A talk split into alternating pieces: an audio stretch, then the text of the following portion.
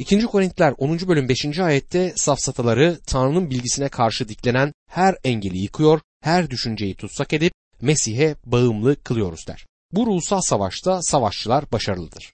Bunu söylediğimde zaferli olduklarını söylemek istemiyorum. Zaferi Tanrı kazanır. Bizler başarılı olduğumuzda bütün yücelik ona gider. Bizi her zaman Mesih'in zafer alayında yürüten Tanrı'ya şükürler olsun. Peki bu nasıl gerçekleşir? Onu tanımanın hoş kokusunu her yerde aracılığımızla yayan diyor. Herkesi Mesih'e kazanamayacağız ama Tanrı sözünü bildirebiliriz. Günümüzde tanıklık için kapıların açık olduğundan dolayı Tanrı'ya şükrediyorum. Zaferli değiliz ama başarılı olabiliriz.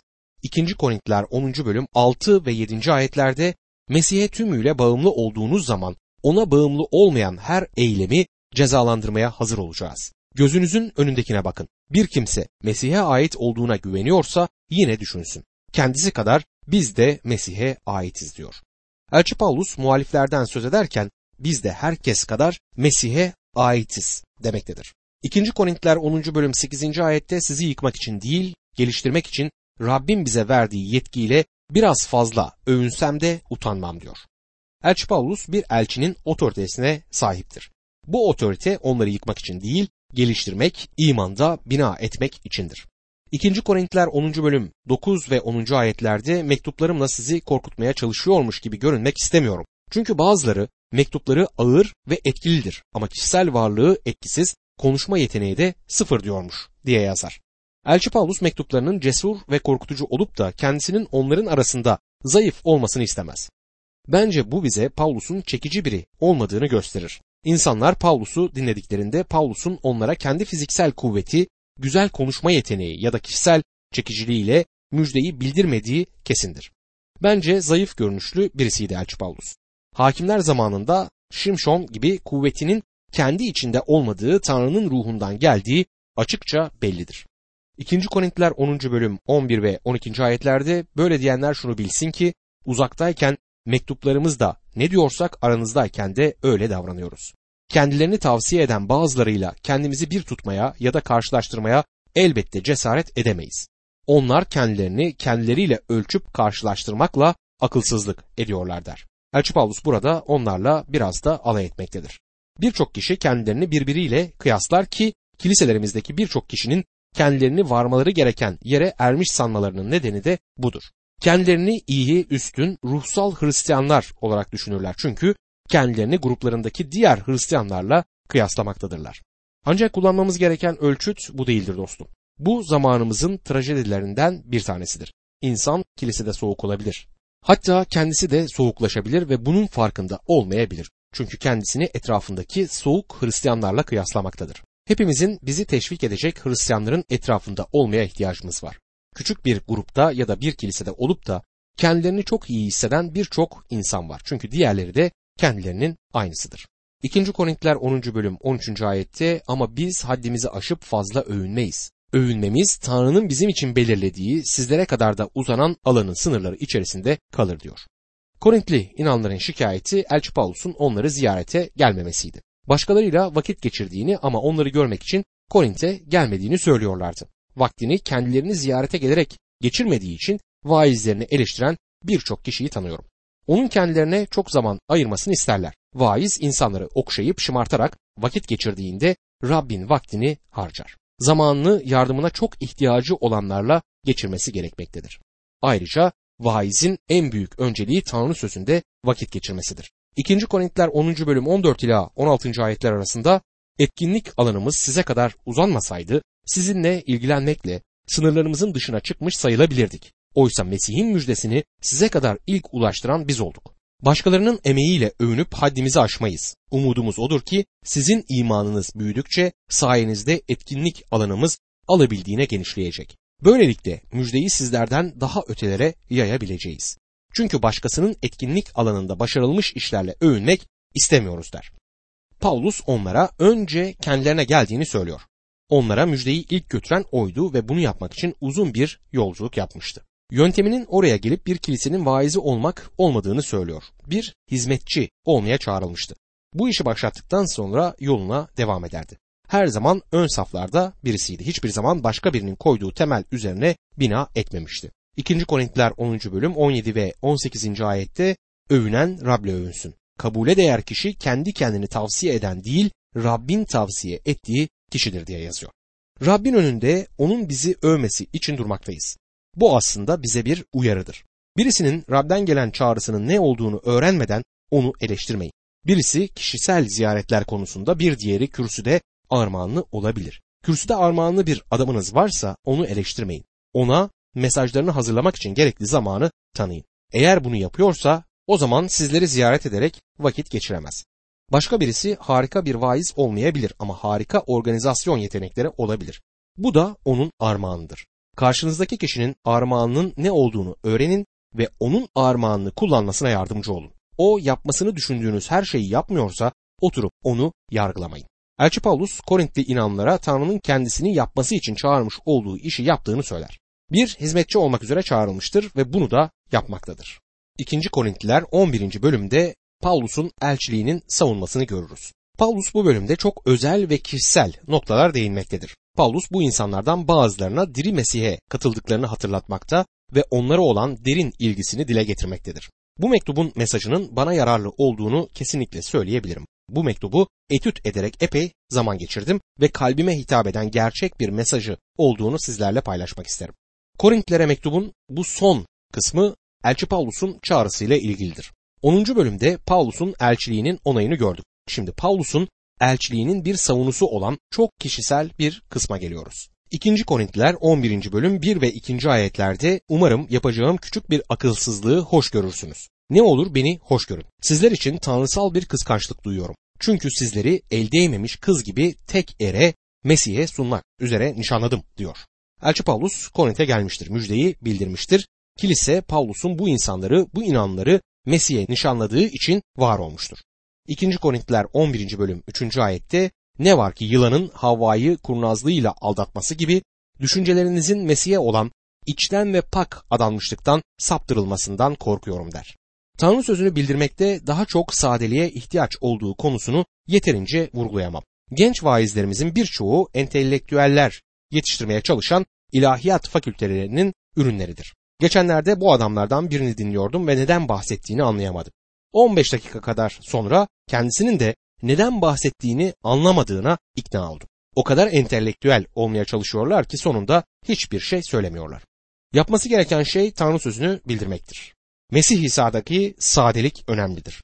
Elçi Paulus hala kendisi aleyhine sorunlar çıkaran ve hizmetinin saygınlığını yok etmeye çalışan azınlığa hitap eder. Onlarla daha çok zaman geçirmek için neden gelemediğini açıkladı. Vaiz olmaya çağrılmamıştı. O bir müjdeciydi. Aslında başka birisinin koyduğu temel üzerine bina etmeyi istemeyen bir hizmetçi. Yolculuğuna devam etti ve başka bir ön safa geçti. Çünkü Elçi Paulus'un hizmeti buydu. Şimdi onaylanmış bir elçi olduğunu bilmelerini ister. Sizler için tanrısal bir kıskançlık duyuyorum diyor. Paulus neden kendisini onlar için akılsız yerine koymaya razıdır? Kendisini savunarak vakit geçirmek yerine onlara Mesih'ten söz etmeyi yeğlediği halde şimdi kendisini savunması gereklidir.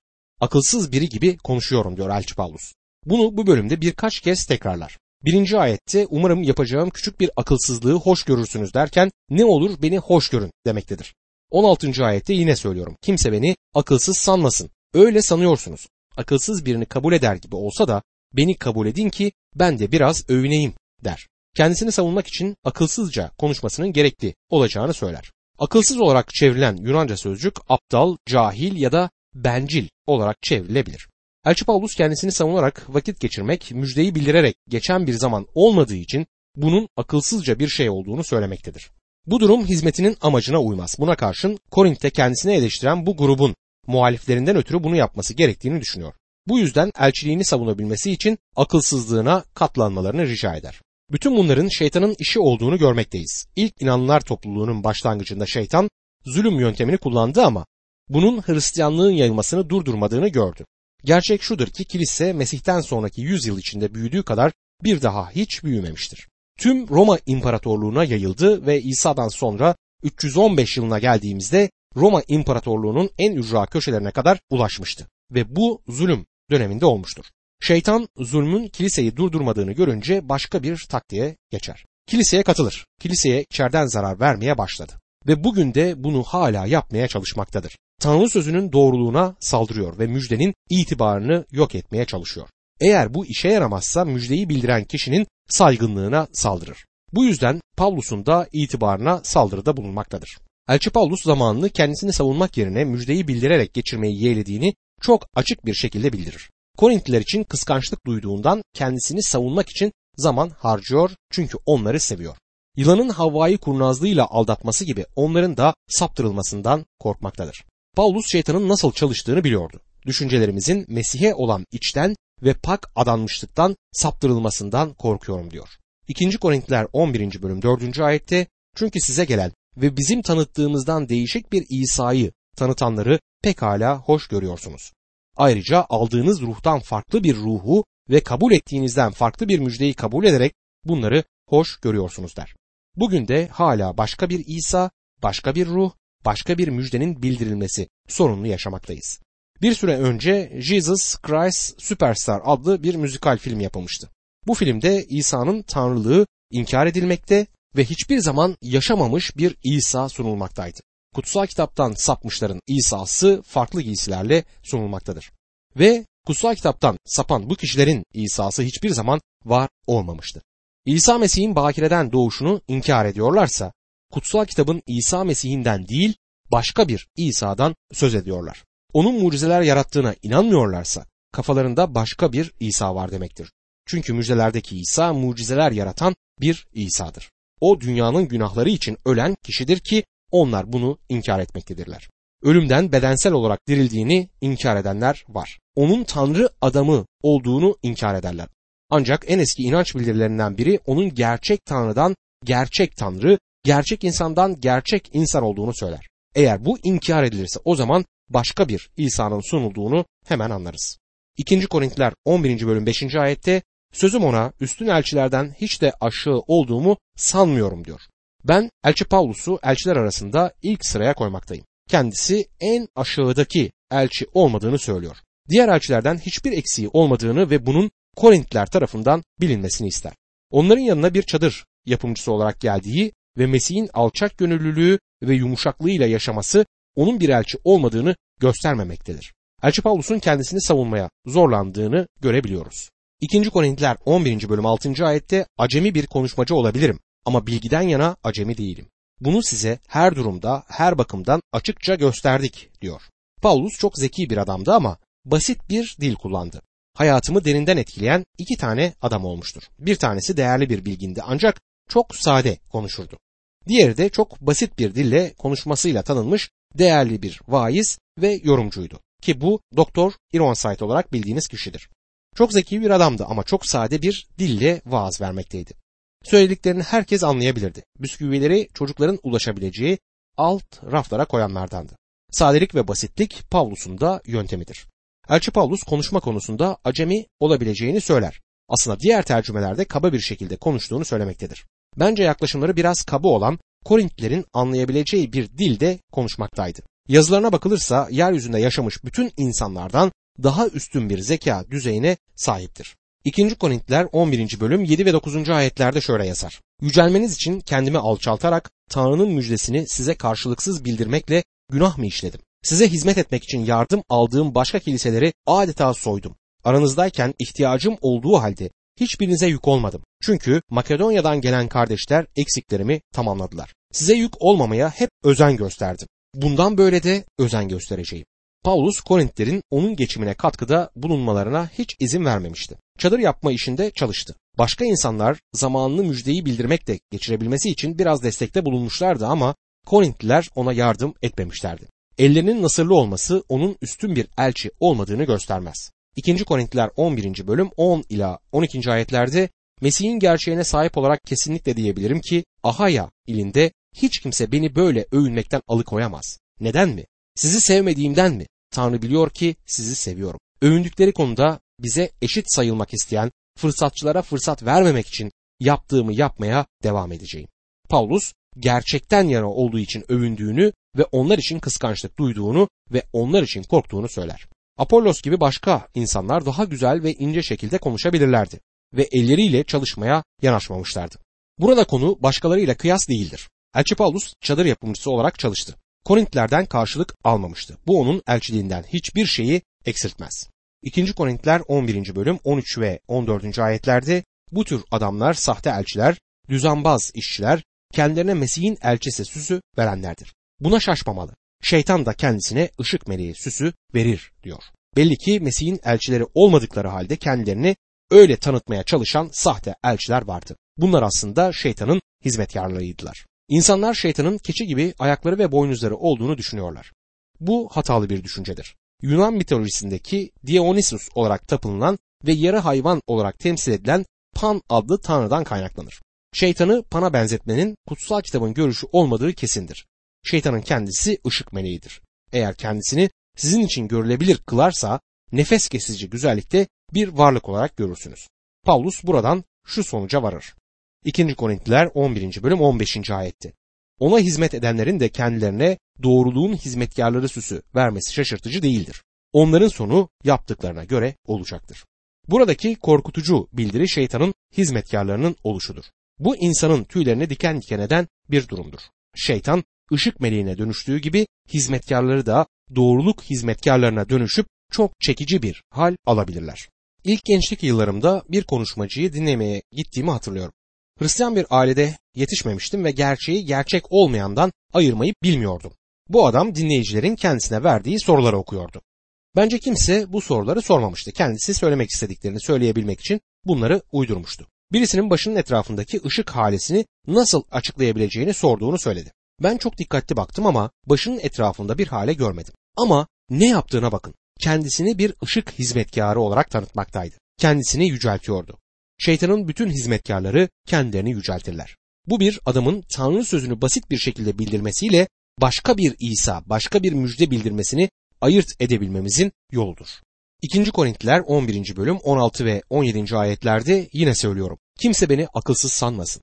Öyle sanıyorsanız akılsız birini kabul eder gibi de olsa beni kabul edin ki ben de biraz övüneyim. Söylediklerimi Rabbin söyleyeceği gibi değil, akılsız biri gibi bu övüngen tavırla söylüyorum diyor.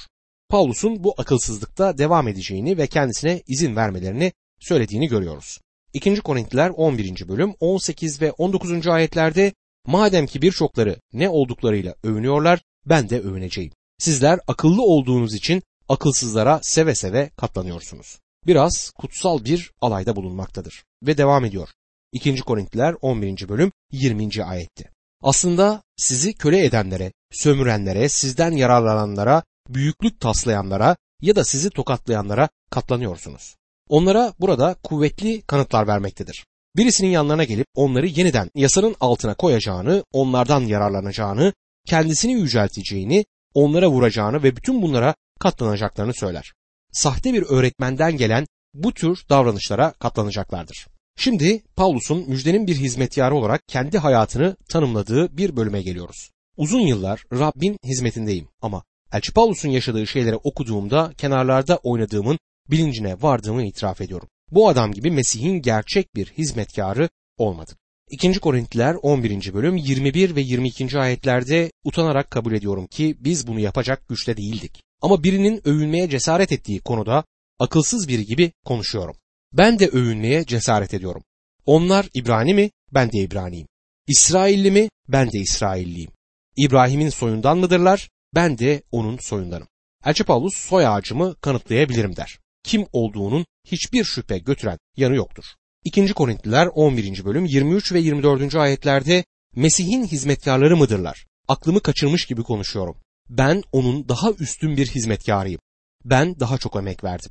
Hapse daha çok girdim. Sayısız dayak yedim. Çok kez ölümle burun buruna geldim. Beş kez Yahudilerden 39'ar kırbaç yedim diyor. O zamanlarda Yahudiler 39 kırbaç cezası verirlerdi. Adamın ölmesini önlemek için de bir yanına 13 diğer yanına da 13 ve arkasına da 13 kırbaç darbesi indirirlerdi. Elçi Paulus bu tür bir işkenceye 5 kez maruz kalmıştır. 2. Korintiler 11. bölüm 25 ila 27. ayetler arasında 3 kez değnekle dövüldüm. Bir kez taşlandım. Üç kez deniz kazasına uğradım. Bir gün bir gece açık denizde kaldım. Sık sık yolculuk ettim. Irmaklarda haydutlar arasında gerek soydaşlarımın gerekse öteki ulusların arasında tehlikelere uğradım. Kentte, kırda, denizde sahte kardeşler arasında tehlikelere düştüm. Emek verdim, sıkıntı çektim. Çok kez uykusuz kaldım. Açlığı, susuzluğu tattım. Çok kez yiyecek sıkıntısı çektim. Soğukta çıplak kaldım. Kaçımız bunlardan çok azını bile çektiğimizi söyleyebiliriz. Bizler lüksün kucağında, lüksün merkezinde yaşıyoruz. Aslında iyi bir toplumda yaşıyoruz. İsa Mesih uğruna zorluk çekme konusunda gerçek anlamda hemen hemen hiçbir şey bilmiyoruz. 2. Korintiler 11. bölüm 28. ayette öbür sorunların yanı sıra bütün kiliseler için her gün çektiğim kaygının baskısı var üzerimde diyor. Vaiz olanlarımız kilisenin kaygısını yaşamışızdır. Elçi Paulus bütün kiliselerin kaygısını taşıyordu. Bunun ne demek olduğu hakkında bizler çok az bilgiye sahibiz. 2. Korintiler 11. bölüm 29 ila 31. ayetler arasında kim güçsüz olur da ben güçsüz olmam. Kim günaha düşülür de ben onun için yanmam. Övünmem gerekiyorsa güçsüzlüğümü gösteren şeylerle övüneceğim. Rab İsa'nın sonsuza dek övülecek olan Tanrısı ve babası biliyor ki yalan söylemiyorum diyor. Elçi Paulus işte size İsa Mesih'in hizmetkarı olarak raporumu sunuyorum der. 2. Korintliler 11. bölüm 32 ve 33. ayetlerde Şam'da kral Aretas'ın valisi beni yakalatmak için kenti denetim altına almıştı. Ama beni küfe içinde surdaki bir pencereden sarkıttılar. Böylece onun elinden sıyrılıp kaçtım. Bir küfeyle sarkıtılmak çok utanç verici bir şey olmalıdır. Ben ya da başka vaizler bir toplantı ya da bir kutsal kitap konferansı yapmak için başka bir şehre gittiğimizde bizi daima rahat bir otele yerleştirirler ve çok misafirperver davranırlar. Beni saygıyla kabul ediyorlar. Paulus'un kendisini öldürmek için bekleyenlerden kaçmak için şehir surlarından küfeyle sarkıtılmasını bir düşünün. Bu ne kadar utandırıcı bir şeydir. Elçi Paulus bütün bunları İsa Mesih'in uğruna yaşamıştır. Dostum Mesih için neler çektiğiniz hakkında övünmeyin. Bunu yeniden okuyun. Hepimizin başlarımızı utanç içerisinde eğip Rabbi İsa sana karşı sadık olmama yardım et diye dua etmemiz gerekiyor.